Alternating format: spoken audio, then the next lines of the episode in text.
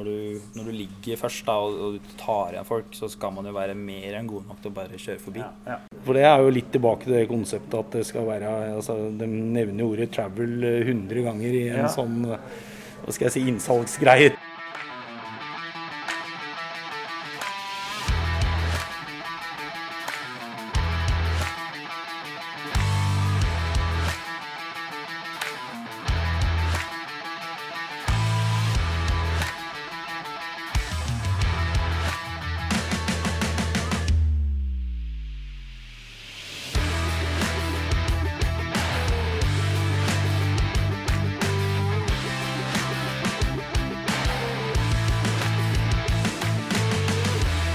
Har du fått lønning nå, Frode? Hæ? For overtidstimer. Har, har du jobba overtid? Må du bruke penger? Brenner det i hånda? overtidsdag. Du, hva er det du har gjort i dag?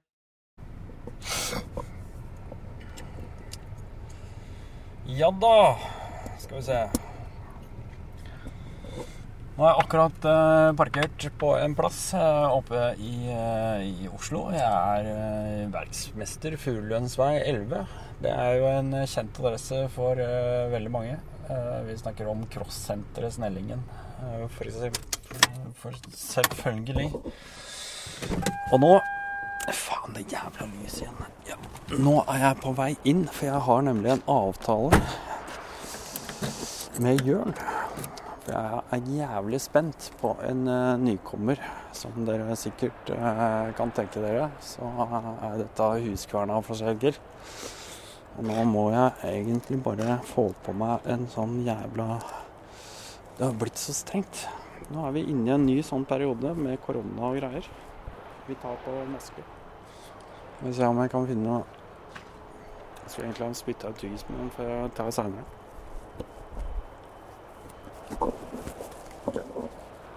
Munnbind på. Jeg håper dere fortsatt hører meg. Da tar vi i hvert fall turen inn.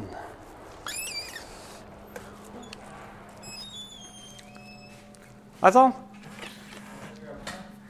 Jeg skulle prate med Jørn, vet du. Der står han, ja.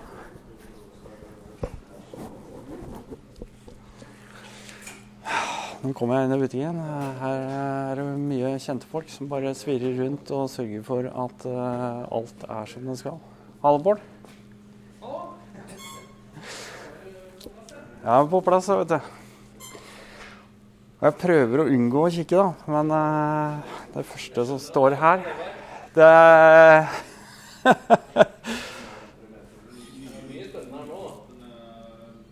Ja, det, det er vel noe som står i høysetet her, er det ikke det? Fire sykler, egentlig. Jo da. Nå, Det er Norden, og så er det FE350 Rockstar. Og så Ja. er det FC350 Snellingen Edition, og så TE300i Snellingen Edition på andre sida. Det er bra. Vi har litt å by på nå. Ja, jeg kom egentlig, jeg skulle snakke med Jørn, for jeg har en avtale. Vi tar en uh, liten episode på Ninueleren. Som uh, hele verden har gleda seg til, selvfølgelig. Podkast. Podcast, da. Så jeg kommer nok til å prate litt med deg seinere tenker jeg. Ja. Jeg tror jeg veit hvem det er. ja. Jeg har vært på en podkast. Bård? Rikke sin. Ja. Hva da? Motor... Jeg har vært på Motocrosspodden. Oh, ja, kult. Ja, Vi må jo fortelle litt om hvem er det vi prater med, egentlig. To ganger norgesmester Markus Christensen. Så jeg vant jo både uh, speed-enduro og etappe-enduro i år, da. Mm. Det, det er meg. Så jeg har vært på en podkast med Rikke. Ja. Uh, ja. Kjører jeg, jobber her, da. Må sikkert ta med den der ut i skauen en gang òg. Norden, sikkert. Du får lov å leke med den, tror du? Jeg tviler.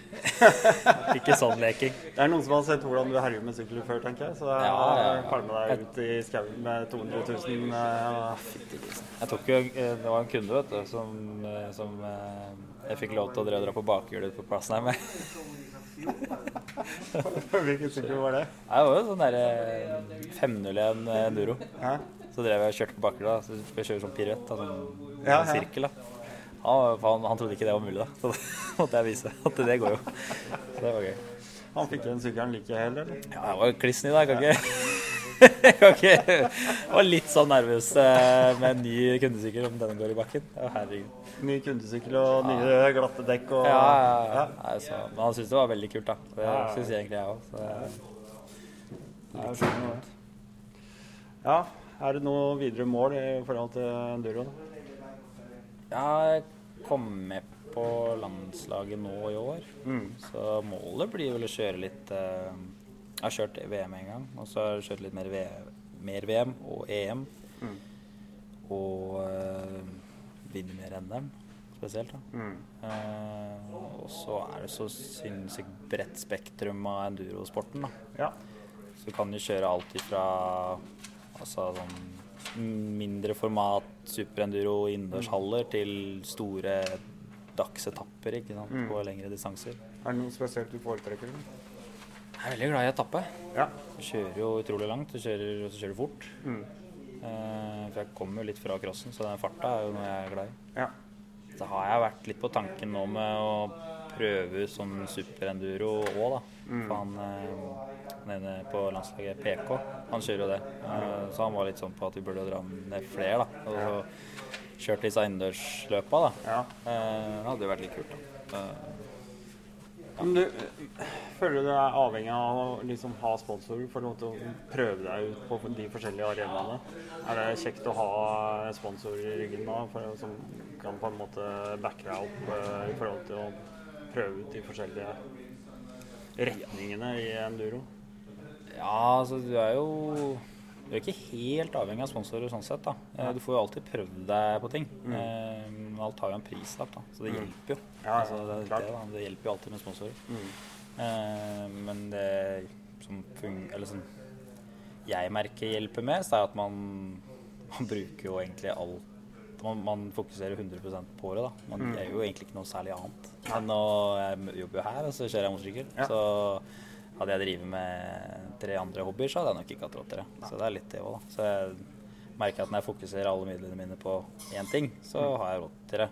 Mm. Ikke til mm, full 100 satsingssesong og sånn, for man må jo rekke å tjene penger òg. Men det er gull å kunne tjene penger her, da. Det er akkurat det, da. Jeg får jo, får jo mye motorsykkel. Ja. veldig Ja, ja. mye. Så det er jo gull, da. Jeg får jo ja, fordypa meg veldig i faget, da. Driver med det på ett nivå hjemme og i fritida, og et annet nivå her, da. Så det Ja. to helt forskjellige Altså én ting er jo eh, kundemarked og vanlige sykler og, og på en måte den delen, da. Og så er det den der toppidrettsdelen hvor det er mer Altså det er en helt annen verden, da. Det er jo andre ting du fokuserer på enn enn hva en vanlig person som skal kjøre motorsykkel, tenker på, da. Um, og så er det jo klart man får mye kontakter, da. Mm. Det er jo, et, det er jo forhandleren som er helt altså Det er jo helt Ja. sentralt, Ja, det vi er jo driver med en her, da. hub, hub for alle mulige som uh, driver med to hjul. Mm. Så det er jo, jeg har jo på en måte lært mye av hvordan ting fungerer sånn sett òg, da. Mm. Man blir kanskje litt opptatt av hva man driver med selv, og tenker egentlig ikke over det store bildet. Mm. Nei. Så jeg får jo veldig det der overblikket om hvordan hele greia fungerer, da. Mm. Så, og det prøver jeg å dra med meg, da. Men er det bare kunder, eller driver du skrur litt og sånne ting? Er. Jeg var mekaniker, Ja. for jeg har skrudd mye. Eh, men nå er jeg kundemottak. Ja. Um, så jeg driver hovedsakelig med booking og egentlig kundebehandling da, Ja. Det er på verkstedet. Ja, ja. Eh, og litt butikk uh, i ny og ne. Eh, og skruing hvis, det skulle, hvis jeg skulle ha tid til det, og hvis det skulle trengs. Da. Så det er jo klart, på enkelte ting så er det jo Spesielt på konkurransesyklene så kan jeg mye. Eh, Ja. Så da er det jo enkelte ting jeg kan mer enn mekanikerne. Ja. Eh, ja, spesielt- Det hjelper litt med oppsett og dempere, ja, kanskje? litt sånne ting. litt sånn... Det er klart at Dan og disse Han kan dempere mye bedre enn meg. Ja, Eh, han jo. er veldig flink til det. Men det er sånn som Altså, jeg er mye raskere enn de gutta til å legge om mos, da, på dekk. Ja, Det er jeg ganske rask på. det er noe du må kunne. Ja, så det og så legge om det og sånn, det er god. Uh, Ja. Så da han uh, Juan er jo eh, Han er jo fra eh, sånn roadracing-miljøaktig, da, så han er jo ikke så god på å legge om med dekkspaker og det der. Nei, nei, nei, Så på sånne ting så er det litt guiding og litt tips og triks. da. Ja, det er greit å fylle hverandre inn litt på de forskjellige Det er sikkert ikke noe I hvert fall ikke jeg som kunde hadde tenkt over. At man har på en måte forskjellige Hva skal vi si ja. Man er bedre på noe enn enkelte ting. Kanskje. Og Det er derfor det er så fint om man er liksom et team òg. For man får Mm. jo den inputen fra alle de forskjellige frontene. da. Mm. Eh, og, og ideer som kanskje virker helt normalt på Mm. roadracing, men som er helt sånn du ikke tenker på på motocross. da. Mm. Så, eh, og omvendt, da. Så du får jo på en måte optimalisert veldig, da, for du tenker jo ikke så veldig får ikke sånn tunnelsyn. da.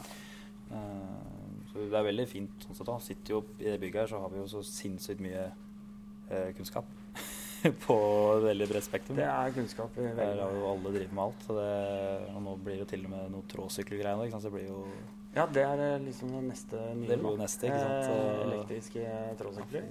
finne ut av det. Og ja. var egentlig litt overraska når jeg kom inn her hvor mye Dan kan om disse elsyklene òg, da. Disse Zero-ene og sånt. Det er jo helt sykt. Jeg trodde ikke det var mulig engang. Eh, karen er jo har jo vært i mm, Eller er vel også fortsatt i verdenseliten, spesielt på totakt og forgassere. da. Mm. Da er han veldig, veldig veldig god. Han har jo vært fabrikksmekaniker og alt mulig, så det, Mm.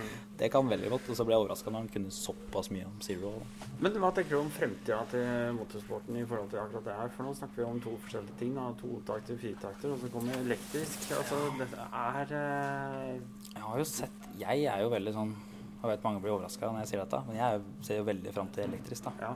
Jeg veit jo at øh, Klarer jo på en måte aldri å erstatte den der lyden og ristinga og alt det der, for det er jo en stor del av motorsporten. Men øh, når du tenker på hvor mye det blir kvert da, med at du må stenge ned baner pga. støy og pga. Altså utslipp og alt det her blir mer sentralt, da. så ser jeg jo veldig lys framtid med å kunne ha Altså begynne å ha innendørs haller helt normalt, da. Og en, bare en sånn som sånn Du har disse trådsykkelstiene oppe i fjella i skianleggene, ikke sant. Og du kan ha noe à la det bare til motorsykler, da. Ja. Hadde jo vært eh, veldig, veldig kult, da. Mm. I hvert fall her i Norge, kanskje. Som eh, man gjerne blir uglesett når man eh, kjører motorsykkel eller beveger seg på Mm. annet enn asfalt. Så kan du bane på at jeg kommer til å ta ut første sykkelen vi får inn her som har elsykkel. For da er det rett ut i skogen, og hvis noen lurer på noe, så er det trossykkel. Ja, men det, altså, hvor viktig, hvor viktig tenker du at det er for deg, akkurat det du sier, å ta ut den første sykkelen som kommer hit? Eh, det å være på banen og på ballen, da, for å si si det på den måten, med en gang, og tidlig ute og lære dette her i forhold til din karriere og framtid. Jeg tror det er veldig sentralt. Det er jo Vi ser jo Fabrikantene går jo også vekk fra, fra forbrenningsmotorer, da. Mm. Og det er jo litt fordi de må òg. så jeg tror for oss som skal drive med dette på, på da sånn uh, på høyt nivå, da, så Mm. kjører man jo gjerne for fabrikker og sånne ting. da. Mm. Og da er det jo klart at da må de kjøre med det fabrikkene har, ønsker å selge. da. Ja. Uh, Så jeg vil jo tro at de Med en gang det, fabrikkene kun produserer elektrisk, så blir det kun proffe som kjører elektrisk òg. Ja. Med kanskje enkelte unntak hvor det kanskje er mer publikumsfokus og annen form for Mm. inntekt. Mm.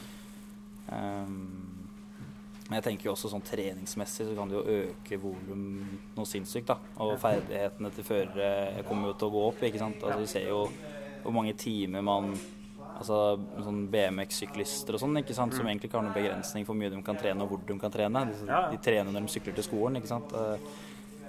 Så er jo ferdighetsnivået sinnssykt høyt Mm. eh, kontra motorsport, hvor du på en måte må du må ha en bane som Ja, er godkjent, og du må skru og du må gjøre ditt og datt, og du skal jo rekke alt dette, da, og, og det koster mye penger òg. Så jeg tenker at med elsykler så kan du jo egentlig gjøre det på litt like, lik, lik linje som ja, tråsykkel og Ja. altså sånne idretter. da. Jeg tror også at ikke alle som er Graham Jarvis så kan trashe opp uh, Hagan på 30 kvadrat. Nei, ikke sant. Det er akkurat det. Og, uh, og så kan jeg tenke at han har jo kjørt mye motorsykkel opp igjennom, men han har vel aldri kjørt så mye motorsykkel som disse Altså de som spiller fotball og, Nei. og altså, som du da. For det gjør de jo hele tida. Ja. De Det er liksom annet. bare å ta ballen under armen og gå ut på løkka Og og spille, sparke på mål eller veggen eller et eller annet. Ja. Så har du, det kommer nok til å komme opp noen Når folk har muligheten til å gjøre det hele tida, så Mm. kommer det til å komme noen som er så interessert at de gjør det, og da blir det så sinnssykt ferdighetsnivå at det, Mm. ja, det kommer til å bli stort. Faktisk. Det blir veldig spennende å se. Eh, Det blir det, altså. Ja, og kanskje, forhåpentligvis, da, et ledd av akkurat det du snakker om nå, som du nevner, er jo at eh, man eh, får mer eksponering i media. At det blir mer vennlig i forhold til den generelle hop. At mm. man på en måte kan innlemme det mer i TV-bilder eller ja. i pressedekning og sånne ting. Fordi at det, ja, det blir en sånn familiegreie. At man kanskje tar med seg unga og drar og ser på et eller annet stevne. da, I og med at det er innendørs og man kan sitte inne, og det er ikke, mens det er 20 blå ute, så er det kanskje 12 innendørs. Og, Du kan jo, det er mye lettere å fasilitere til kjøring, da. Altså, trenger ikke å tenke på det. Så jeg vet Det fins jo innendørshaller. eh, Det er jo en ny en nå i Norge, faktisk. Og vært flere i Danmark. Og det er jo mye altså luftrensings Altså, du må kjøre med den og den bens, bensina. Og, er- krever mye. Ja, det gjør det, ikke sant. Og det er jo utrolig dyrt òg, ikke sant. Den, altså, du må plutselig firedoble bensinprisen når du skal drive og kjøre disse hallene. Så klart at el løser jo mye problemer. Mm. men jeg tror ikke du klarer å erstatte forbrenning helt. da. Det gjør du ikke. Altså, Jeg det håper kommer jo alltid Jeg håper Jeg håper egentlig ikke jeg. Det- så for meg tenker jeg i i overgangsperioden så blir det nok en sånn Da har man en, en elsykkel som blir veldig sånn trening. da, Man kjører egentlig hvor du vil, når du vil. Og så har du en løpssykkel eh, som er forbrenning. For det er klart på sånne også med etappe-enduro, man skal kjøre to dager, eh, åtte timer hver dag, så det er ikke noe batteri som holder det. Mm. Nei, nei, nei. Det tar nok litt tid før du kommer dit, men i, men i sånn treningsfasen så er det jo helt, helt gull. Så kanskje selv om det kjøretekniske i forhold til clutch gear, uh, Ja. alle de tingene er annerledes, så har du allikevel likevel de balansemomentene, og du Ja. har liksom altså, alle de andre momentene du bruker da, på to hjul for Ja. å liksom navi navigere eller komme deg fram. Mm. Så ja, dette veit du mye mer enn meg. Ja. Ja, Altså, så kommer de sikkert med noe altså, De har jo så vidt begynt. ikke sant? Så når de Mm. begynner å tenke hvis Jeg er helt sikkert De klarer sikkert å lage en clutch-funksjon på en sånn elsykkel òg, hvis folk vil ha det. ikke sant? Altså, det Mm. Ja, ja. Så. Hvorfor ikke? Ja. Uh, Tror du det trengs? det er helt- Det er jo bare å vri på Det er bare det egentlig jo. ja, Det er bare å vri og være Det blir jo utrolig gasskontroll, da. Og så, og så ser man jo, ikke sant Man får jo Hvis du skal ha en elsykkel, så trenger du egentlig ikke bremsepedalen på beinet, da. Nei. Så kan du ha den på Er det kløtsjen her? Ja. Det er nok en sånn ting jeg tror mange kan slite med. Men jeg hadde jo heller tatt den fighten og lært meg det. Mm. For du frigjør jo plutselig beinet ditt helt, da. Du ja, slipper jo å holde i hånda, men beina dine er jo ute og inn og tråkke og altså, Du skal jobbe litt da, når du står i hvert fall i sånn veldig offroad. da. Mm. Eh, så jeg tror sykla kommer til å bli utrolig bra å kjøre. Så det, det er jo klart det normale problemet med batterikapasitet og alt det her, da, som er så sentralt. Og vekt. Men eh, jeg tenker meg å spørre deg også, hvem er det som har vært forbildene opp igjennom? Forbilde. Eh, Jeg ser for meg at eh, alle som er eh, unge og lovende på et eller annet tidspunkt, eh, liksom er noen de kaster mest på, på en måte. Jeg har jo Altså jeg ser jo spesielt nå, jeg ser jo veldig opp til han derre Pål Anders, da, Ullevålseter. Jeg syns han er eh, utrolig flink med det han driver med. Jeg syns han har et ganske riktig fokus, da. Ja. Eh, så ser jo, det er jo eksem masse eksempler på hva han har tatt beslutninger på ting eh, altså på, på disse Dakar-løpa sånn, mm. som er sånn derre eh, Altså, han kjørte dette Dakar-løpet en gang, og så eh, var det han ene konkurrenten hadde jo gått om for eh, bensin da, rett før mål, og så fikk han og, sant, og hjalp til og fikk av gårde, og vant jo han andre. Da, men, så, så han tapte jo den, eh, den etappa, men det er sant, klart at at å gjøre sånne ting er jo sånne ting du tjener utrolig på. Da. Altså, det er jo Det er egentlig sportslig, sportslig kred. Ja, ikke sant. Det er jo egentlig, sånn som jeg ser på det, det er mye mer verdt da, Ja. enn det hit eller det etappeløpet. Da. Ja. så sånne ting er Pål veldig god på, og det ser jeg jo veldig opp til. Eh, og så er jo klart forbilder kjører teknisk, så har jeg jo sett veldig mye på James Stewart, da, som kjører i statene, eller kjørte i startene. Han har jo en helt vill finesse av en teknikk. Motocross og okay. supercross. Okay. Han har jo, jeg syns han har så fin kjørestil. Jeg har sånn der, eh, sett på video og studert, og, og, og han kjører så balansert da, og så konsekvent. Da. Ja. Så ser du jo, det kommer jo nye utøvere nå som blir trent av, av Stuart-familien. da. Og du ser at det er veldig sånn åpenbart at de har en veldig sånn fin og balansert kjørestil. Mm. Eh, og, og veldig eh, altså intent, da. Du ser at de kommer inn i svinga. De gjør de tingene helt konsekvent. da, Og, og på de forskjellige eh, altså utfordringene. Da. Jo Helt, altså på offroad så skjer jo så mye forskjellig fra sving til sving, at, eh, men de har eh, sin løsning på det. da. Eh, Og noen sånn Ja, det er mye teknisk, da. Sånn, eh, selvfølgelig bortsett fra at du er dritgod og flyter fint og, og den kjøretekniske biten. Eh, tenk på det sånn, hvis du flyter fint, har det mye å si at du har gått gjennom løypa før og vært, eh, vært og kjenner liksom løypa godt fra før av. Det har mye å si. Ja. Det har veldig mye å si. Mm. Kjøreløp og de største løpa så tar man jo så veldig god tid til å gå løypa. Mm. Og så er det noen mindre løp hvor du kanskje ikke har tid, da, hvis det er sånn helgeløp og du rekker så vidt å bli ferdig på jobb før du må starte. Så er det ikke alltid du rekker det, og da merker du det veldig godt. Ja. At, og, og se på tidene, da. De som har vært og gått banen, Ja. ligger jo langt, langt foran. Ja. Så må man jo da liksom jobbe for å ta seg igjen. da. Mm. Mens hvis man har gjort en veldig god forarbeid, så kan du tjene utrolig mye i første runden. Mm. Um, for det er klart at det er jo en egen kunst å kunne kjøre fort der du bare har gått før. da. Ja. For du kjørte én runde, så, så, så kan mange eh, få opp farta, da. ja. Eh, så jeg tror også jeg har fått litt uttelling der. For jeg drev, litt, jeg drev med alpint før òg, så da, Mm, da- der er det jo Da må du jo gå eller tråkke løypa. Prøve så- å memorere litt og og så er det jo én løype, og det er jo én runde, ikke sant. Og så er det jo full gass, så du må jo på en måte kunne huske litt og, og satse sånn sett, da. Så jeg har, jeg, har, jeg har sett at jeg, har, at jeg får til den delen litt òg, men man må jo virkelig gå banen, da. Og, og studere, og så merker også veldig stor forskjell på spesielt sånn VM og sånn. mm. Så endrer løypa seg så sinnssykt. Ja. Det er helt, helt sinnssykt. Altså, Du går banen, og det, du ser at det er hard bakke. Og så kommer du første runden, og så ser du ikke likt ut i det hele tatt. Altså, de har jo er helt, altså, De gutta kjører, og de gir så mye gass, og det er så Ja. mye krefter i de syklene, så de bare river opp alt. ikke sant? Så det har jeg lært etter etter jeg var, var der da, i Sverige. så på de store store løpa så er det om å gjøre å få med seg traseen. Altså, Ja. Du skal til venstre, du skal til høyre. Altså Hvordan underlaget er, det er litt sånn Det må du ta på sparket, Ja. fordi det endrer seg. Så Jeg må ta Det er bare sånn Jeg syns det var utrolig gøy at du nevner Pål Anders som den første du tenkte på, og at det, det faktisk er en nordmann som gjør det så bra, og har gjort det så bra opp igjennom. Og jeg kjørte jo eh, på motionist, lavt mosjonistnivå for en del år tilbake, og da møtte jeg jo Pallanders Anders eh, flere ganger i eh, NM-rundene. Og dette var jo oppe på Lunder. Ja. Så gikk det en runde Det var på vinteren, og var jo dyp snø. Og det ble bare kjørt opp ett sånt spor ikke sant, som alle lå og trøkka opp gjennom. Og det var tett uh, på sidene. Så hører jeg bare en sånn firtakter som kommer opp i ræva på meg ganske fort. Og så kommer han bare kjørende forbi meg i en drøy halvmeter snø ja. mens jeg ligger i hjulspor. Da hadde jeg egentlig bare lyst til å parkere. Ja, ja, ja. Da hadde jeg bare lyst til å sette fra meg sykkelen min og bare gi faen. Da var jeg bare, jeg bare ga opp. Jeg mista motet helt. Tenkte det kommer det noen og bare kjører forbi deg på den måten når du sliter som faen med å komme inn i et uh, trekk. Ja, ja.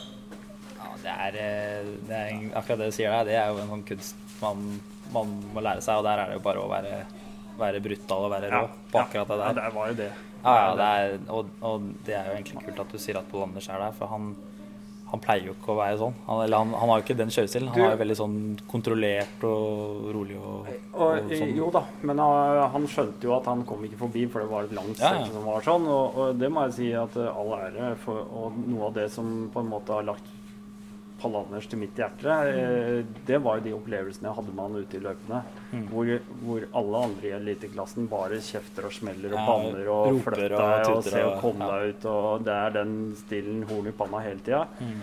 Mens du hører en som kommer opp, og så klarer du endelig å legge deg til sida, så hører du bare 'takk skal du ha', og så bare børner den forbi. Og det er liksom Det er en helt annen klasse, da. Mm. Jeg mener at det er eh, jeg, jeg er også veldig på den, da. At når du, når du ligger først da, og, og du tar igjen folk, så skal man jo være mer enn god nok til å bare kjøre forbi. ja, ja. Altså, altså, du tar det jo bare som et hinder. Mm, Altså, du skal bare forbi. Mm.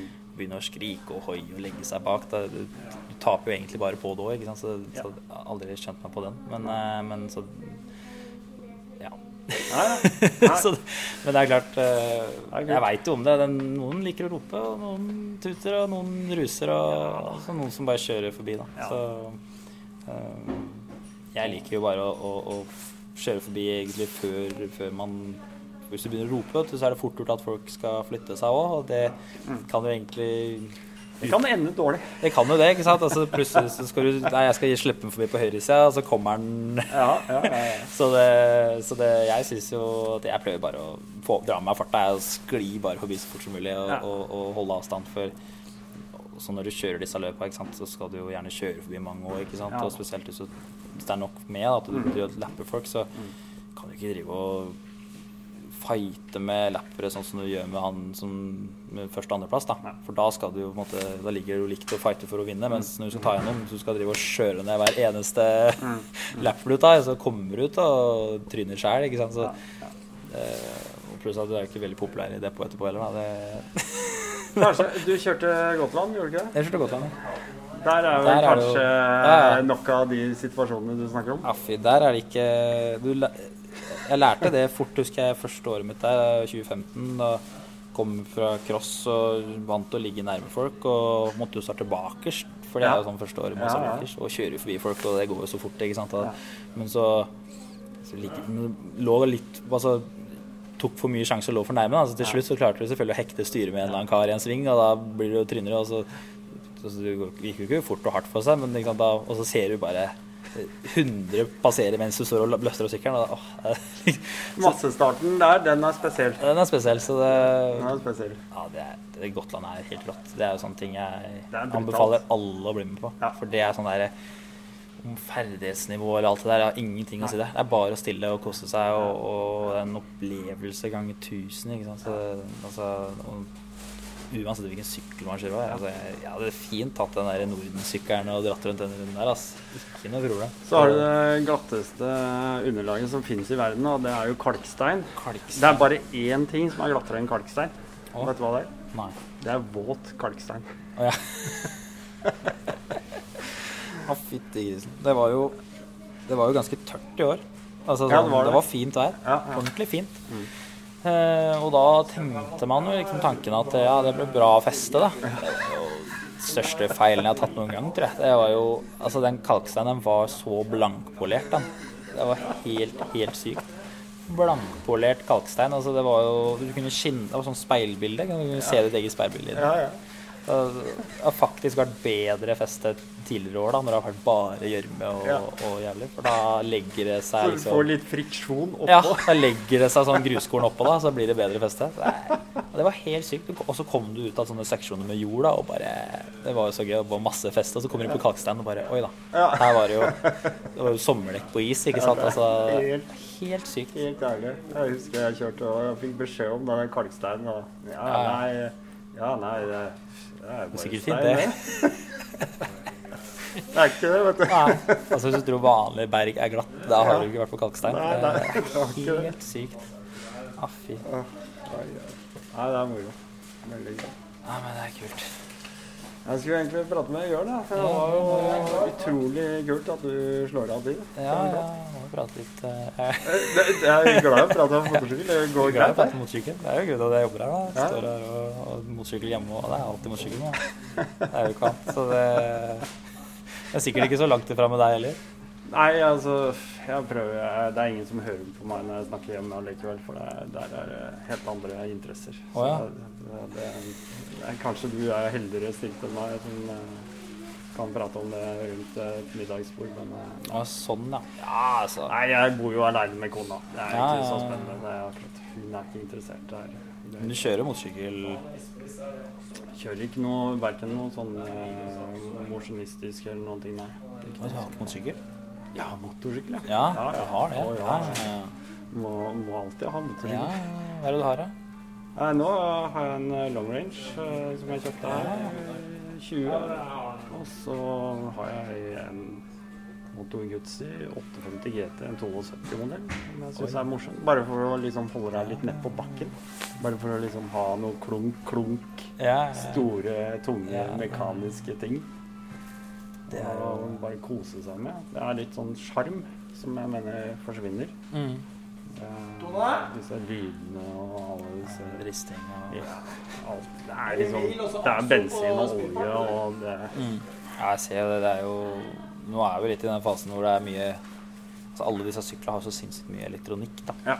Og sensorer, Mm. og det er jo Mm. Sykla går jo og purrer som en katt, da. Ja. Det skal jo Ja, ja, sies, ja, da. Eh, Men eh, det er klart at det, mange, det fins mange sykler der ute som er eh, disse jernhestene som rister og går og har, har så vidt elnett til å drive frontlykta. Ja, ja. Og det er jo sånne sykler som du spør meg, er jo veldig fint å sette seg på og bare du, du koser deg med bare for å sitte her og kjøre, da. Ja. Trenger nesten Nei, ikke er Du kunne hatt en eh, strak slett, og det holdt. Ja. Det er noe, det er noe annerledes. Jeg har alltid digga disse, disse Harley Davidsene med, med hånd... Ja, ja, med altså- jockeyskift. Å, dæven, det er jo Suicide clutch og jockeyskift. det er jo helt sykt. Altså Det kunne du prøvd på en sånn uh... Ja, det hadde vært noe. Herregud. Altså, jeg, jeg koser meg jo i skauen med endurosykler, men da er det Da leker man jo med terrenget, ikke sant? Og så Ja. bruker man jo sykkelen som et verktøy. Men når du, Ja. når du har en sånn sykkel, da, en sånn med jockeyskift, da er det Ja, hvis du skulle valgt noe annet enn en sykkel med knotter på hjula, som jeg snakker om, da, hva, hva hadde du endt på da? Hvis du bare skulle ha liksom, noe du har lyst til å bare koble av en eh, fin uh, søndags ettermiddag? Liksom. Skulle kjørt en tur, altså. Ja. Oi, det er et godt spørsmål. Um, Er det mulig, forresten? Hva var det, da? Det er jo det, Altså, jeg velge Er det kneskraping med en gang Nei, hvis det er jeg- asfalt, eller det, er det det, det er ikke jeg, Nei, jeg er ikke helt der, altså. Jeg, jeg, jeg hadde nesten jeg kost meg med en sånn Harley med, med jockeyskift. Ja, så hadde, hadde jeg kost meg gløgg. Jeg kjørt, jeg bare skulle kjørt litt rolig og putra en tur, da. Da, så, sant, hvis, jeg skulle, hvis jeg skulle langt et sted, da, da hadde jeg nok ikke valgt den. Da, da hadde jeg valgt noe adventure-greier. Så jeg er jo så jeg er så glad i alle typer sykler, da. Så Ja. helt i bruken, ikke sant. Hvis jeg skulle Ja, banka opp på motorveien til Lillehammer, da, så hadde jeg jo sikkert tatt en R-sykkel. Ja. og, og hvis Bare man lagt igjen førerkortet hjemme? jeg har lagt igjen førerkortet hjemme og så tatt den. ikke sant? Og så, men skulle jeg tatt bakveien opp, så hadde jeg nok tatt eh, litt større adventure-sykkel. Og skal jeg ut i skogen og knote, så er det jo en, en konkurransesykkel. da. Ja, ja. Så, ja, så Har du fått testa, fått testa eller? Zeroene Ja. og sånn, ja. Ja. De går så fælt, de. Jeg prøvde en sånn i fjor. Jeg var jo lagde en reportasje Nei, i sommer. Ja. Og den der der, vet du. Ja, den verstingmodellen her, den, den går så fælt, den. Jeg satte meg på den og, og satte den rett til sport, da. Tenkte Ja, ja. dette, blir, dette blir gøy. Å, herregud. Altså, jeg tror aldri jeg har gitt gass med en sykkel og, og holdt på å glippe styret. Det er helt sykt. Altså, altså, det, det er altså, hestekreftmessig så Det går fælt, men det fins jo sykler som går like fælt. Men den der reaksjonen er jo Det er ikke som å sitte i elbil hvor du blir trøkka ned i setet. Altså, du, du detter jo av. så, så det er klart et adrenalinkick eh, ganger to. da. Nei, jeg var og fikk testa og lagde en reportasje her eh, tidligere. Jeg starta helt nederst og bare jobba meg oppover. Jeg tenkte kan det bli verre, kan det bli verre, kan det bli verre? Og til slutt så du sitter Du holder på å leve her inne i hjelmen, altså. Det er sykt. Og, det er jo også til den lettsykkelversjonen tok jeg jo lånte bort til faren min. Og han nekta jo å tro at jeg var lettsykkel. Jeg måtte jo vise vognkortet. Altså, Ja. Helt sykt. Ja, for det er sånn A2-registrering og sånt også. Ja, den, den er jo A1, den, ja. den demosykkelen min er A1, og den, den går så fælt at eh, Altså, Ja, er, ja. den går jo like bra som en Jeg har jo en jeg har 450 Enduro, den går jo ikke noe særlig mye dårligere enn det. Det ligger jo Det er klart det er jo elektronisk, da, så den, den har jo enorm effekt, og så bare, altså bare kutter den da, på, på det Altså på kilometerne det står i loven, da. ja. Så de har jo bare tatt, tatt og lest i regelverket, og så bare mappa den. Så de har jo Det er også en ting da, faktisk, når det kommer til el. Du kan jo gjøre hva enn du vil. Vet. Ja. Og med register, og du har jo alltid bånd, og du har jo topp, og du har midt, og det er liksom Det er sykt. Uh, Men det er klart, når du ligger motorveien, så merker jeg, da, som har kjørt så mye og hørt på dette bråket, at eh, det blir litt stille. Det blir veldig stille. Og Det det, var noe. Mm. jeg mangla, følte jeg. Akkurat det der i Skal du drive og liksom eh, midtlane bortover Ja. og sånt og mellom biler og sånt, og så er det ikke en lyd, ikke sant. Hva faen skal du gjøre? Du kan ikke kjøre med hornet inne heller. Nei, altså, synes jeg den der greia hvor eh, folk skal kjøre med fjernlyset på hele dagen, den syns jeg er for dum. Så liksom, ja. ser jeg også det, da. altså. Jeg, får jo, jeg ser jo disse som Altså, vi ser jo forskjellige folk kjøpe forskjellige sykler, og jeg har jo merka at eh, det ofte de som går for elsykler, er jo gjerne eh, nyere MC-eiere og, og kanskje, kanskje folk som ikke har hatt MC på, på en stund, og så går de tilbake til MC-en, og så syns de at det passer fint med en el. da. Men det er jo ikke mange av de som går fra Harley Davidson til el- elsykkel. Men nå har jo Harley Davidson kommet med det òg. Ja, ikke sant? Ja, men, at de, så det er jo, men det er klart at det er den lyden er jo mange som er veldig glad i, og det er jeg jo enig i. Men hadde jeg hatt Altså, ja.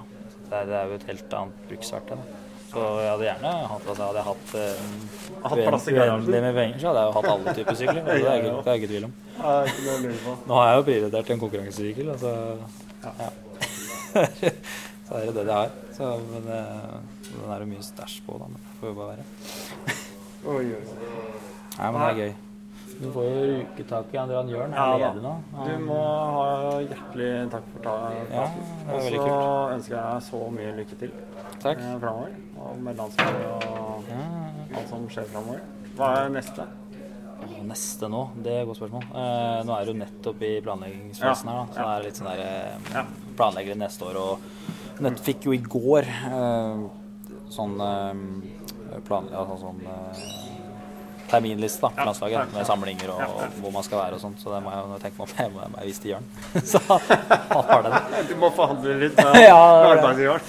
Få litt, eh, få litt fri. Og så, og så blir det bare se på de løpa og hvor de går og sjekke lommeboka. Det er ikke noe problem. Bård han tar arbeidstimene dine akkurat når som helst. Eh. Bård vekker. Takk skal du ha. Ikke noe problem. Kommentere det med vilje.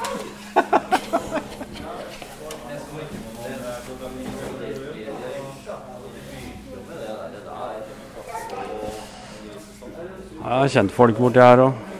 Det er en annen som lar seg friste.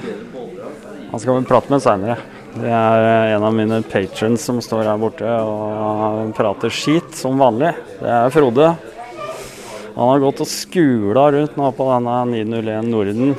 Og nå skal vi se. Nå er jeg fryktelig spent. Innen han går ut av denne butikken her, så har han bestilt eh, en 901. Det er jeg helt sikker på.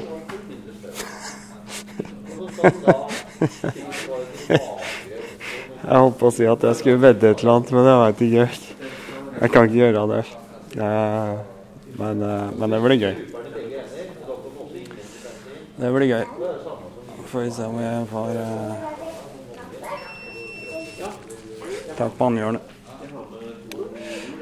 Altså, nå går jeg rundt, eh, surrer rundt uh, 901-en, og fy faen, er det mye jeg har lyst til å si, ass.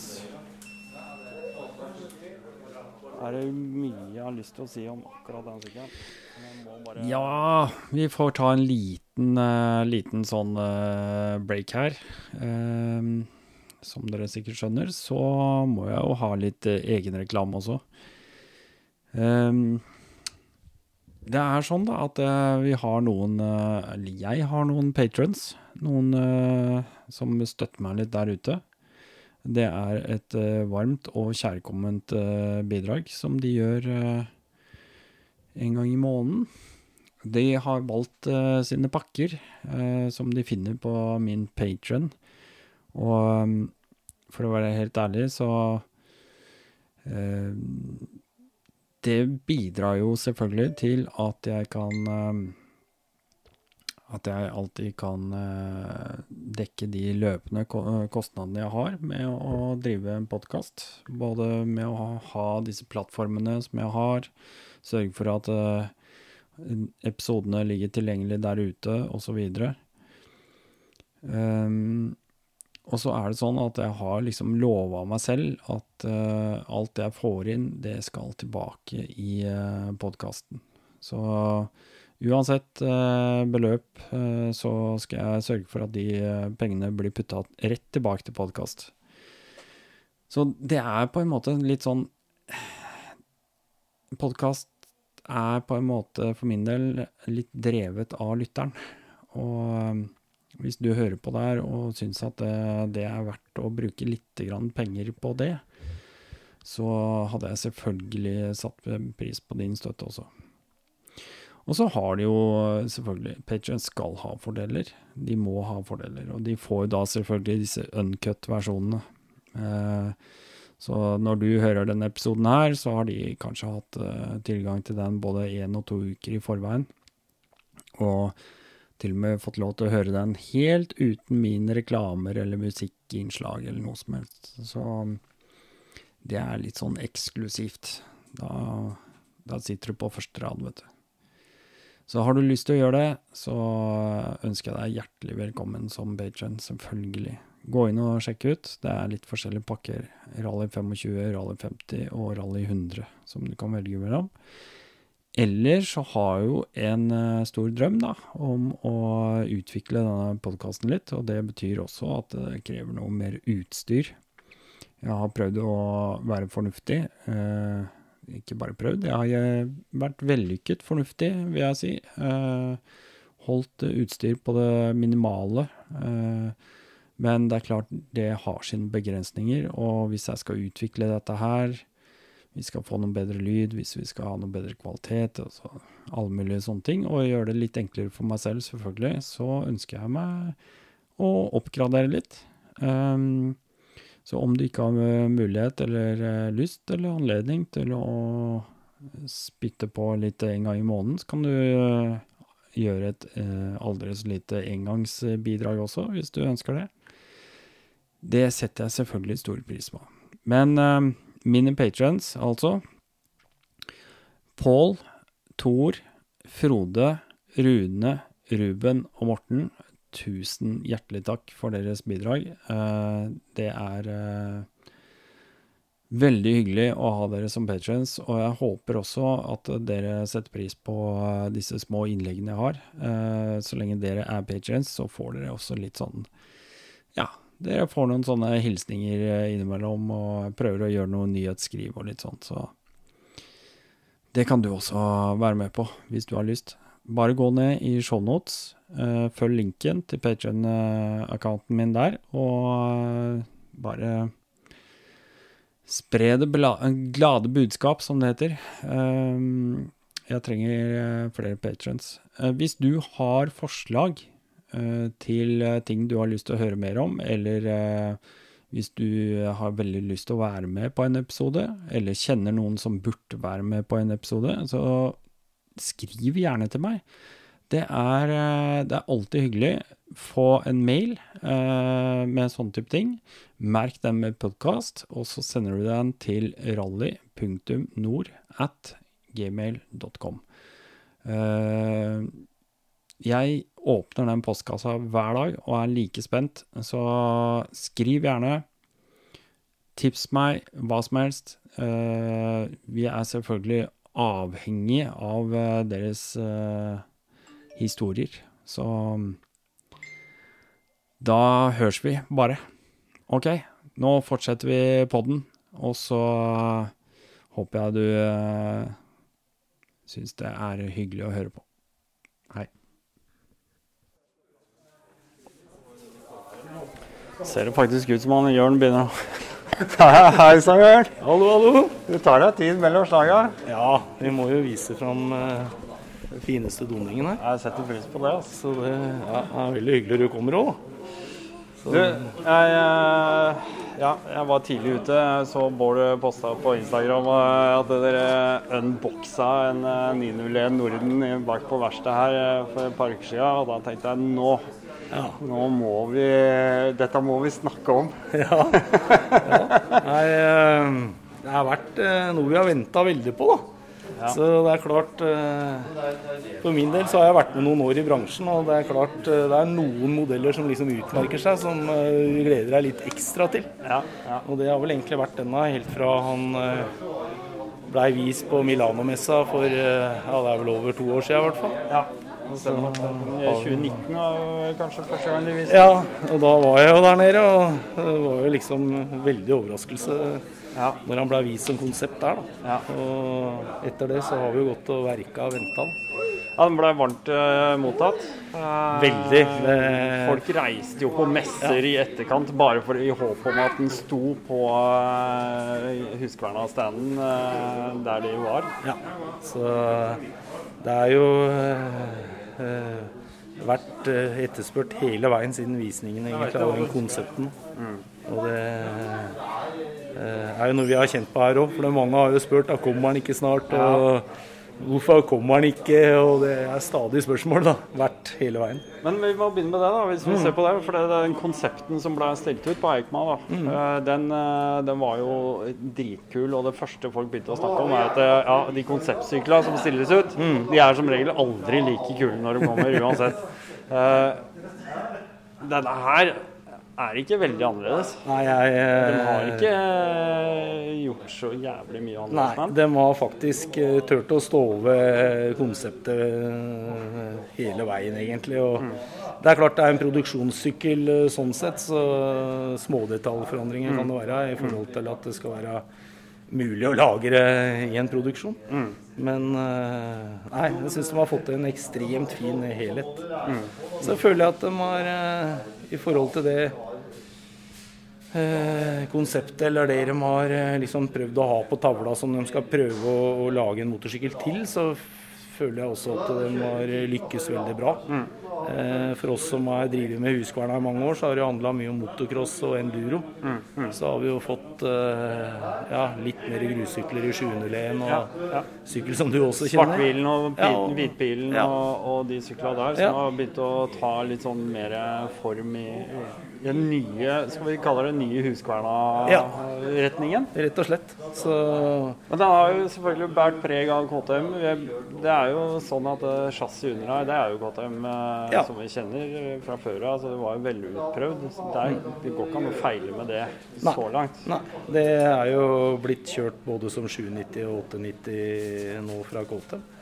Og de har jo hatt det som basis når de har hatt konsepter de skulle bygge. Ja. Så har de jo da hatt ting på tavla som de har ønska. De skal jo virkelig ha en, en motorsykkel her som er eh, til å kjøre tur med, rett og slett. Ja. Under alle slags eh, forhold. Alt fra å kose seg på langturer på asfalt til grus, til å også kunne kjøre partier eh, med, med offroad, hvis en ønsker det.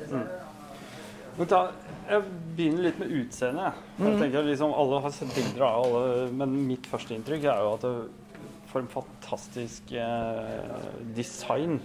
Altså, designen er Den minner meg litt om gamle Dakar-sykler. eh, og så har den noe ved seg som, eh, hvis jeg skal si det Den for meg mest eh, sinnssykt peneste KTM-en som noen gang er lagd, det er eh, 640 Adventure. Ja.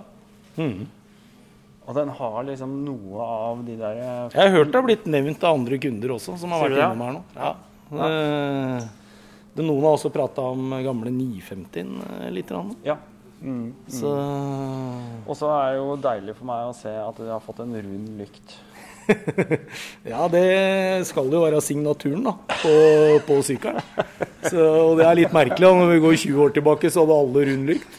Så er det signaturen. Men eh, jeg personlig syns han kler sykkelen veldig, veldig bra. da. Ja, det er nydelig. Så- Jeg synes det er eh, fantastisk. Så de har jo liksom ny, fresh design, men allikevel dratt inn litt av det Moderne. Ja, moderne, men litt historiske. Mye moderne, men allikevel har de fått den litt klassiske elementene på motorsykla inn inn også, på en måte. Nei, jeg skal ikke karakterisere for mye. Det er, folk har mer enn nok eh, egne meninger og sett mer enn nok bilder og sånne ting, så det, det kan jeg overlate til andre å vurdere. Men eh, Teknisk sett altså, syns jeg de har fått til med designet. Og det tekniske så har de jo bensintank som de har fått veldig langt ned. Ja. Og der er det jo med å greie å få integrert veldig pent inn i sykkelen som en del av helheten av båndplata. Og det syns jeg er noe av det de har fått til kanskje best av alt. da. Ja. At, eh, for det, den blir ikke som en sånn veldig greie som står ut, på en måte. Nei, for her går faktisk tanken helt i underkant av clutchdekselet. Ja. Og det har de greid å integrere veldig fint inn i motorsykkelen. En helhet som er bra symmetri på den også, syns jeg. jo. Jeg tenker sånn Turingmessig så sitter hun veldig godt vindbeskytta bak eh, de tankene også, når de stikker litt ut på sidene. Ja. At du får tæra eller føtta akkurat sånn på innsida og får tatt av mye vind. tror definitivt det har vært en del av tanken. For det er jo litt tilbake til det konseptet at det skal være altså, De nevner ordet 'travel' eh, 100 ganger i en Ja. sånn eh, hva skal jeg si, innsalgsgreie til Ja, oss. ja, Så ja, det er jo Skal en kjøre langt og sånn, så er det jo deilig å sitte godt skydda. 19 liter, har vi ikke det? Hva er, eh, 40 mil. 40 mil. Det er det de sier. Det er en grei, grei aksjonsradius. Det er det. Det høres jo ikke skremmende mye ut med 19 liter, men når de sier 40 mil, så, så Og da er jo, ja, da er det jo relativt drivstoffgjerrig òg, da. Ja, det er det de sier at uh, du skal kunne forvente 0,45 i hvert fall. Mm. Uh, det, det skal du. Og det er nok tall som bør være mulig å oppnå når de faktisk sier det. Ja, jeg tror det. Mm. Så Nei, ja, ellers så er det jo som vi sier, du sitter jo litt skjerma bak uh, utforminga på sykkelen, men allikevel så er det en vanvittig fin ståposisjon på. Mm. Det er pga. at de har jo fått et, lagd et sete som er veldig god sitteflate på. Men de har gjort det smalere innover der hvor har beina, på en måte. Ja, Så, så Du får knærne tettere innpå rundt ramma. Og, Kjent eh, posisjon sånn sett. ja, at du ikke blir stående på en måte som en sånn ja, Mm. hjulbeint eh, for å klemme deg fast i ramma. Så har du et veldig godt sete å sitte på. Ja, det syns jeg, og det, det var noe av det jeg faktisk Når vi snakker om liksom de små forandringene fra konseptet og sånn, så Mm. så det setet så så innmari fint ut på, på Eikma. Jeg tenkte liksom, Det har de sikkert gjort noe med, men det var jo faktisk klart å beholde den derre eh, ja, holdt på å si Alcantara-lignende. Det er jo ikke det. Det er noe sånn eh, slags stoff som ligner på litt sånn ja, semska skinn. Og, ja, nei, det ser veldig fint ut, det setet, altså. De som har fått testa og kjørt den, av journalister og sånt, de berømmer jo veldig setet og at det er veldig behagelig å sitte på når en skal kjøre langt. Da. Så har du en eh, solid eh, passasjersete med greie håndtak. Ja, og det er jo gjort også så det kan være muligheter å ha med seg en passasjer her òg. Ja. Vi har ikke akkurat vært bortskjemt med det på alle Husqvarna-modellene vi har solgt opp gjennom åra. så det har vært tenkt mest på sjåføren. Så det- Ja. Eh, jeg ser at denne her eh, Dere har jo hivd på litt sånn ekstra bits and pieces. Mm. Har du fått på Her er det en rack med alukofferter. Ja. Og det er antagelig da original Huskverna-kofferter som sitter på. Ja, det er jo da designa litt inn i sykkelen også Ja. med, med, med der. Og det er jo også Det er vel egentlig, så vidt jeg har skjønt, så er det vel et samarbeid med Turatek. Ja, her ser du Turatek-merkene i hjørnet. Jeg skulle akkurat si at det ligner på Turatek-kassene. Det er det. Så de har tydelig gjort et samarbeid der. Men har fått også litt av designet inn på, inn på boksene. Og Turatek har skjønt at det nytter ikke å bare jobbe med BMW. Nei, det, det tydeligvis. Så det- nei, men det er jo et eh, bra varemerke, og de er jo kjent for fine produkter. Så, så det er fint at vi kan eh, få litt av det inn i Husqvarna. Mm. Så det er helt klart. Skal vi gå litt på det tekniske, eller? Ja, vi kan prøve.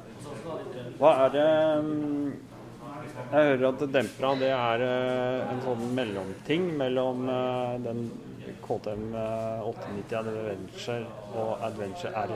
Ja, de har jo ligger, ligger sånn midt imellom høydemessig og ja.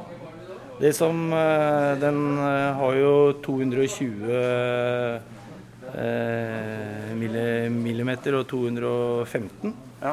i, i fjæringsvei, da. ja.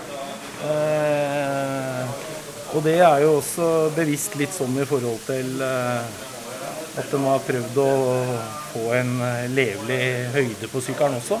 Mm. men allikevel god nok fjæring for de aller, aller fleste i, i lengde. Eh, han er vel 854 i setehøyde skal være. Eh, så finnes det jo for dem som eh, Og det er litt tilbake til konseptet. Han skal være behagelig å kjøre. Eh, på tur med. Han, men allikevel så skal du kunne kjøre grusvei og, og, og offroad med den. Uten at du nødvendigvis kanskje skal prøve å sette verdensrekorder. Da har de ekstradeler som du kan kjøre hvis du skal faktisk være med på noe helt ekstreme ting. Så, så det også har dem som et ekstraprogram. Men jeg øh, tror de har øh, treffet bra i forhold til at det skal være en, virkelig en kjøremaskin. Det kommer vel litt uh, powerparts, uh, kanskje? Det gjør jo Fjæring har vi allerede annonsert at vi, vi kan uh, selge til for dem som skal kjøre helt, helt ekstremt. Begge veier, men både i forhold til senking og i forhold til ekstremkjøring? Eh, I forhold til ekstremkjøring. Eh, senking utover det som er, så skal det være mulig å ta ned to centimeter til. Ja. Det er På det jeg- originale? Det originale. Ja, okay. Det er det jeg er blitt fortalt. Ja vel. Så, så, men så er ikke 850 er kanskje ikke så gæren sittehøyde heller. Nei da, men det kan jo være andre altså, Damer begynner å kjøre mye motorsykkel og Absolutt. glede seg godt over gruskjøring Ja, ja. og andre ting, de også. Og det er klart at eh, alle, alle ser noen. Ja, kanskje ja. Mm. Så det er vel det. De har jo annet har når vi prater fjæring, så de har jo skråstilt støtdemperen veldig. Det er jo også Ja. for oss å få sittehøyden så lav som mulig, da, men allikevel ha fjæringsvei. Da. Er det, er det annerledes enn fra KTM-en? Eller er det bare noe jeg Veldig godt spørsmål, Dennis. Det kan jeg ikke svare på. Men det er én ting i hvert fall de eh, peker på i presentasjonen til oss. da. Ja. Så det kan tyde på at de kanskje har gjort det annerledes. ja. Nei, jeg, jeg vet ikke. Jeg vet ikke. Det var bare et uh, spontant spørsmål. Ja, nei da, så Akupovic uh, har dere fått på. Ja. Det blir grei lyd, det. Ja, det, det gjør det. Den er jo dog lovlig, men det er flott, uh, flott lyd. Så, så det, det er det. Så er, jeg vet ikke teknisk annet jeg, som du Nei, jeg vet ikke. Er det hester og sånn? Det var vel 100 105 hester. Og så er det 100 newtonmeter, altså et veldig høyt dreiemoment på. Til sammenligning så er jo det f.eks. Eh, Suzuki 1050 V-strom. Har vel egentlig det samme i dreiemoment. Så, så det, og det er vel allerede ved 6000 omdreininger. Så, så det må jo være en råsterk maskin. Det, det må det. Uh, teknisk ellers, da, hvis du tar eh, bremser f.eks., så er det jo to 320 mm skiver og firestempla kalipere. Radialmontert. da. Så er det 260 mm skive bak og to stempla. Så det skulle være godt med doserte Godt med doserte bremser på det, i hvert fall. Og Og da har du vel en del sånn tilvalg eh, i forhold til instrumentpaneler? At du kan eh, Ja. kjøremoduser og Stemmer. sånt Det er jo. Tre kjøremoduser som eh, ligger klart. Der er det jo da vanlig, vanlig street, eller hva skal jeg si, vanlig blanda kjøring. Da. Ja, ja. da er det jo full eh, ABS eh, foran og bak, selvsagt. Så har du jo da eh, offroad, som du da har eh, Hva skal jeg si, du har ikke ABS-en bak, Nei. men også redusert ABS foran. Ja, OK, så han skrur Ja, riktig. Han skrur Så- av bak, og så Ja. gir han litt uh, slack eh, foran. Riktig. Ja. Så har de jo også muligheter eh, Du kan kjøpe en sånn Explorer-pakke, er vel de prater om. OK. Hvor du kan ha mulighet til å skru helt av. Ja. Men det er ikke i standardelektronikken på sykkelen. Og så har du jo da rain mode, som gjør at han er enda mer følsom. Mm. Så du har liksom tre, tre kjøresettinger standard som jeg tror vil dekke de aller, aller fleste. Så da er det vel noen veldig få råtasser som eh, kanskje vil ha det helt av. Ja, det er Alle kan gå inn og se på. Det er jo nok av reviews ute på YouTube allerede og sånne ting. Det er jo en fantastisk sykkel. Jeg mener dette kan vel ikke feile. Nei, det, så langt så ser det i hvert fall ikke sånn ut. For det, vi har aldri hatt sånn interesse for noen motorsykkel noen gang omtrent. Nei. Så vi er bekymra for nå å ikke få nok motorsykler. Ja, for det er jo et spørsmål som står på lista. Ja, Eh, hva tror du? Jeg hører 30 er et tall eh, til Norge, men eh, ja. Eh, jeg eh, vil jo absolutt ikke si at vi er utsolgt. Så, men eh, det kommer nok til å bli trangt om sykler etter hvert. Dem, eh, Husqvarna Skandinavia, som vi forholder oss til, er jo subsidiary av, av Østerrike. Og de jobber jo med Østerrike nå for å få flere sykler inn til Skandinavia. Så vi håper jo at de lykkes med det. Foreløpig har vi jo sykler for salg, så, så det, det har i hvert fall vært kjempefin interesse. Og vi håper at vi kan få sykler så vi kan dekke behovet. Ja, ja. Selvsagt. Så det gjør vi. Nei, jeg anbefaler alle å bare stikke og se på dette. her. Jeg syns egentlig det er en fantastisk nydelig motorsykkel. Ja. det er ikke noe å lure på. Jeg har det til alle mulige typer turer eh, nærmest. Men eh, ja, hvor mange har du solgt uh, hittil? Du, det er skrevet 19 eh, kontrakter Totalt? eh, totalt hos oss, ja.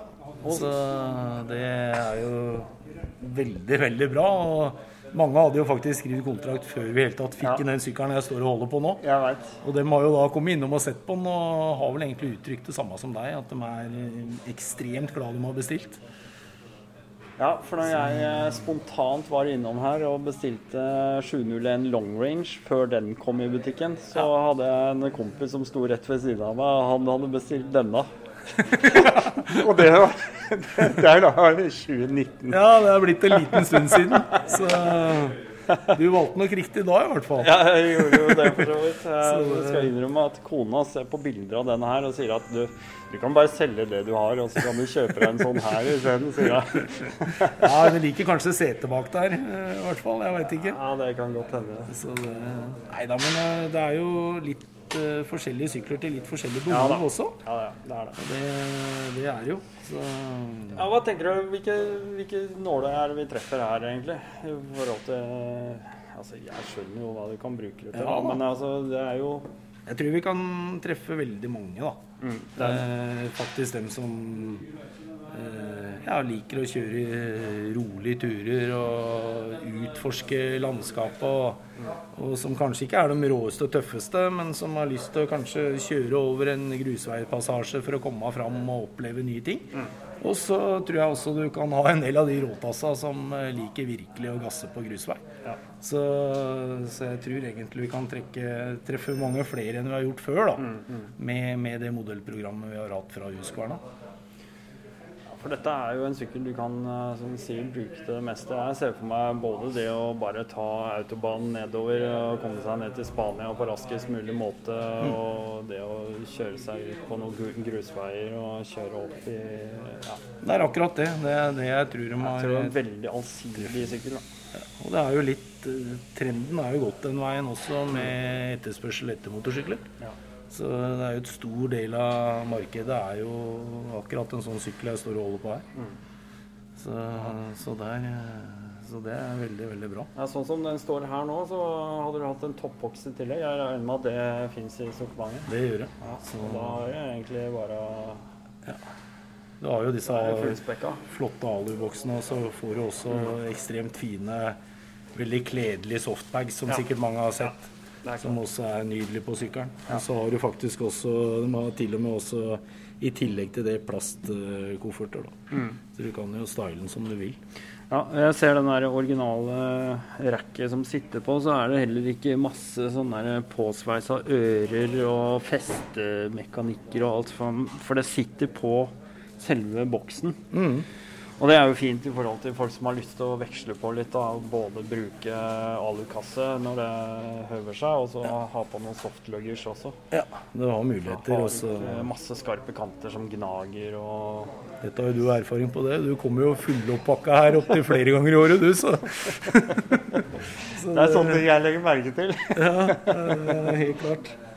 Så det, nei, ja, men det er Ja, ja. jo Det gir jo muligheter. Ja. Er utrolig kult. Det var gøy å kunne få lov til å komme og se og prate med deg. Ja, det blir en sykkel som vi Eller er en, er en sykkel vi er veldig stolt av. Ja. Så, som har jobba med Husqvarna. Ja, og, men sånn Det vil jeg bare si at eh, jeg tenker Mange snakker om at uh, Husqvarna er bare en kopi av KTM, bla, bla, bla. bla. Mm. Altså, OK, det er greit, du har henta geometri og rammer og Mm. motorer og sånne ting. Mm. Men se på bilbransjen, da. Mm. Se på tysk bilbransje, f.eks. Mm. Fy faen, de henter jo og De lager kliss like biler med to forskjellige merker. Og, altså, det er ingen som snakker om det. Da er det helt greit, liksom. Og jeg tenker at uh, for våre del i hvert fall, så er det jo litt sånn at uh, Og som de har uttalt til oss, at Husqvarna skal liksom være det konsernet sin premiummerke. Ja. Litt à la kanskje Volkswagen, Audi, Mm. Skoda, ikke sant? Ja. Og, ser jeg at det- eh, ikke minst, Finishen skal være alltid den beste, og det skal være liksom top notch fra dem. Mm. Og det er klart jeg, Ja, som du sier, bilbransjen er litt det samme. De bruker enorme summer på å ta fram en ny motor, f.eks. Ja, ja. Og kunne finne et konsept som de jobber etter, som Husqvarna har gjort her, da, med den maskinen her, så har de i basis en kjempe, kjempebra motor Ja. som de kan tviste og justere litt. Grann, Helt klart. og, og, og få da som en del av en sånn eh, sykkel. Det, det vil vi nok sikkert se med andre merker etter hvert også. Ja. Det er, det er Eh, På mange ting, egentlig. Så vi som er glad i Husqvarna, vi har i hvert fall ingen problemer med det. Nei. Det, det har vi ikke. Så, så det Husqvarna har vel historisk sett også aldri vært så sterke som de er nå, i form av salg eller Nei. utvikling noen gang, egentlig. Nei. Så altså, uten tvil så, så, så er, det, er det bra. Og det er jo det å få i gang en tosylindra motor igjen, eh, liksom må jo, det er jo faren min sin generasjon som eh, husker den siste gang med tosylindra på Husqvarna. Det var vel eh, Nå skal jeg være litt forsiktig i forhold til den som virkelig husker det, men eh, vi prater vel 50-tallet, tror jeg, Ja. med tosylindra Husqvarna. Var det en totakter òg, eller? Nei da, det var firetakter. Ja, Det var det. Tosylindra firetakter, så de hadde det en periode. For øvrig utrolig tøffe sykler. Var det, ble, var det en gatesykkel? eller? Det var en eh, gatesykkel. Husqvarna kjørte jo faktisk litt TT Ja, ja. og sånne type ja. ting også i gamle, gamle dager. Ja, i- Ja. Uten at jeg i detalj kan hele historien der, så er jeg blitt stadig fortalt av min far i hvert fall. Så, så der eh, Og der er det i hvert fall også et tips jeg kan gi dem som er interessert i motorsykler og skal på tur til Sverige, det er å dra til Husqvarna-museet i Husqvarna. Der står faktisk en del av de gamle syklene også. Det ser jo litt av historien. da. Jeg tror kanskje populariteten på det museet har økt litt i forhold til modernisering. Du har fått 701, du har fått 901 og sånne ting. Helt klart. Så, Ja, men på tampen, jeg må jo spørre deg, for Ja. det går jo rykter. Mm. Altså, det er jo det går alltid rykter. 501, Ja. 401, Ja. sånne type ting. Mm. Er det noe du har hørt noe om? Altså, jeg har eh, ikke offisielt hørt at det er noe som er på trappene, men jeg har hørt at det er blitt nevnt. Ja. Eh, og eh, jeg må vel ærlig innrømme at jeg tenker at eh, det er jo ikke helt unaturlig om det skulle dukke opp. Men eh, sånn som de jobber med oss forhandlere, så ser du ca. et år framover. Det andre det blir litt basert på, på prat. Og det er ikke noe konkret jeg kan se, i hvert fall det neste året. Nei. Så, så, men eh, det pleier jo alltid å være noe sannhet i rykter. Da. Det er vel kanskje det er vel litt viktig kanskje altså, å få satt ut sånne rykter på en eller annen måte også. Det er jo I forkant av alt som kommer. Både Ja, det- se på long range og se på Ja. 001 her og Jeg er enig med deg, for det føles jo litt få praten litt i, i gang, liksom. Det føles jo litt sånn, og det ser jo litt disse spy-foto som Ja, ja, plutselig dukker opp på ting Hvorfor skulle de plutselig Ja, at det står en journalist i, i buskene og, og tilfeldigvis akkurat der da overnatta der i telt i ukevis for å ha tatt det bildet. Det er lite Han var på en bensinstasjon i Rena. Så, ja. Nei, så, så ja, det er vel litt sånn som du sier. Så, men eh, nei, da, men eh, som sagt, eh, ikke noe konkret som vi, Nei da. vi veit om. Men eh, det er jo ikke unaturlig å tenke den veien. Og man ser jo også at KTM har jo hatt veldig suksess med den 390-en sin. Jeg tror, jeg tror det blir jævlig spennende å se. Altså. Mm. Nei, vi, Det er også et artig segment. Det virker som at veldig mange har skjønt at du kan bruke litt mindre motor på turer også. Mm.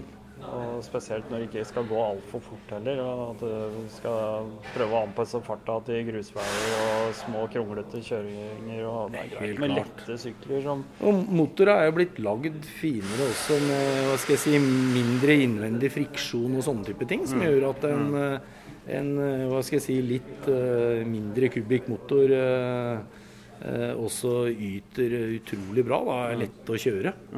Eh, det, det er helt sikkert. Og et vanvittig bra dreiemoment på, på den kubikken. Da. Så, så Nei ja, vi får se. Jeg gleder meg til å se den eh, ute på veia igjen. Altså, jeg gleder meg til å se at folk eh, får lov til å bruke det. Ja, vi gleder oss enormt. Vi. Skulle ønske jeg hadde større lommebok og garasje. Det. Ja, det er, er litt sånn, men eh, Ja. Men sånn vil det alltid være. ja da. Men det er jo et, eh, det er jo et mål man kan ha. Absolutt. Så du er ikke så langt unna med long rangen heller, da. Det er flott sykkel. Du vet hva, Jeg gleder meg så stort over den. og Selv om kona sier at ah, du må ha deg en sånn 901 Norden, så sier jeg vet du hva, jeg har, jeg har egentlig en sykkel som jeg er fantastisk glad i. Jeg mener helt seriøst og oppriktig at den er eh, Ja. Nei, Men sett, sett at du har eh, smilt godt når du er på vei ut på tur. Og så smiler du også når du har kommet tilbake igjen fra tur. Da hender det også du er unna deg. Så det. jeg må jo det. Jeg Så må det. Nei, men takk skal du ha. Jørn. Jo, bare hyggelig. Takk skal du ha. Skal jeg prøve å rive tak i han der eh, fjompen der etterpå? Ja. Han eh, Frode, da, du har vel bestilt deg en sånn her allerede, du? Jeg skal på venteliste hos han etterpå. Frode skal ha trossykkel først. Femmeren. Så skal han kjøpe min. Fy faen, det er gutta. Det er entusiaster. Ja, gutta. Jeg får nesten bare stikke opp og sjekke om han Frode har to år. Han går rundt her og surrer og ser på alt mulig. Klær og greier. Har du fått lønning nå, Frode? Hæ? Par overtidstimer. Har, har du jobba overtid? Må du bruke penger? Brenner det i Ja, var overtidsdag. Du, hva er det du har- gjort i dag? Nei, ja, Hæ? Ja, nå er du bare Nei, jeg bare shoppa litt. eh, Ja, dette litt, skal litt jule. Det er derfor jeg har med den her. vet Ja, du. jeg lurte på disse. Hva, hva tror du om den? Jeg tror de er dritkule. Jeg vil gjerne ha en sånn sjøl. Du vil det. Men, uh, Er det Gore-Tex, eller? Nei. Nei, det er bare sånn oversjekk. men så kan du er nappe den, av så det blir vest, vet du. Det er litt tøft, er det ikke? Det er ikke vest. Det er bare åpning. Luft, luftåpning. Lufting. Det kan bli sånn hvis du tar armene her, så har du Å, vest. faen. Hæ? Ja. Men det betyr at det er masse hull òg, da. Det kommer det vann inn, da, Frode. Hæ? Kommer- Kommer det vann Kommer det vann inn her? Sett den her, Frode. Sånn har du ikke. Mønster. Nei, men han får sikkert sånne såler som han kan skru på, han, vet du. For han har sånne jålestøvler med skruer under. Ja, jeg har skrudd det. Og der har jeg selvfølgelig kjøpt enduro-såler som jeg skrur på. da. Men du, jeg har vært nede og snakka med Jørn. Og så har jeg snakka litt med meg sjæl. Ja. Og så tenker jeg, hva er det du, hva er det du har tenkt om den eh, Ninja-lenen, du? Nei, ja, hvis jeg skal ha det, så skal jeg bytte en traceren i det. Ja, Men jeg, skal, det- men jeg skal ikke ha det fordi at jeg har 700-len. Og det er ikke bruk for 900-len. Ok. Men jeg snakka med Torgeir, hvis vi har 901, Ja. Så har vi 450. FE 450 og 250, da er vi dekt. Bytt, byt inn 700-len. Eventuelt en femme- 500-len og det er 300. Da er det dekt. Da er det dekka, ja. Da må du rydde litt i garasjen, da. Ja. Selge unna litt. Ja, ja. Det ordner det. Jeg blir glad i tinga, vet du, så kan har kan ikke, kan ikke, kan ikke selge den.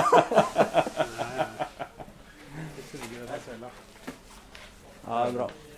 Da får du Da, feila jeg. Jeg vedda litt øh, med lytterne her. Eller jeg vedda ingenting. Jeg bare var helt overbevist om at du hadde bestilt deg en 901. Nei, nei. Nei, jeg skal bestille en uh, el-tråsykkel. Ja, det veit jeg. Det har du jo om. Det er derfor jeg er her nå. Ja. Egentlig. Ja. Og så skal jeg ha noen moffer. Kjøpe kjøpt med noen moffer og noe småtteri til Ja. servicedeler. Ja. Du trodde at uh, Jeg kjenner deg lite grann, da. Litt jeg, vet Vi, har- vi prata om det i stad på telefonen, jeg ja, to, to runder i dag vi om sykler. Kvart, kvart, på, kvart på åtte ringte han første gang i dag og lurte. Ja. Det var- Og så lå han. Det er ikke lett. Det er ikke lett. Nei. Masse valg å må ta hele dag, Ja, hver dag. jeg blir sliten. Så er jeg fri i helga. Så må du tenke i helga òg, ja. Ja, ja, da må vi legge om dekk da, Ja, ja. i helgene. Og så er det et helvete, da, for søndagsstengt og greier. Ja. Du får ikke gjort noe ting fornuftig da heller. Det er da det, da det gjelder å ha litt uh, på lur rundt i hjørnet. Du kan dra. Ja, det er kult. Ja, det blir eh, Nå er det piggdekk som står på å få lagt på de. Langpigg. Ja, det er de der Michelin-dekka. Det er jo ikke verdens mest avanserte. Ikke det dyreste heller, så jeg tror det holder. Det går nok greit. Ja. Men Mossi får vi se om jeg får få- går. Bare ha noe snø og is først. Må ha noe is først, ja. Ja, ja. Ja, det er da. oppover. Oppover, er ja, oppover. ja, ja. oppover så er det is. Ja, da drar vi dit. Det er nitrist ute nå. Ja.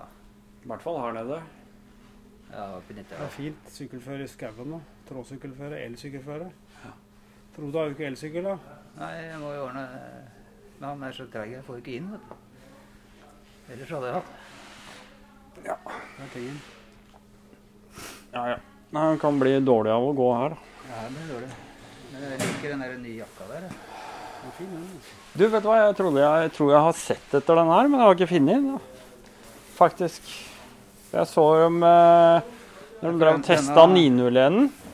Ja, men det, ja, det er den De har annen. vært på en sånn ja, Ja, det er en annen. Det er en eh, mørkegrå en, det. ja mørkegrå er den, ja. Denne tror jeg er forrige. Ok. Den er plain. For den også titta jeg på i, Ja. i sommer. Den.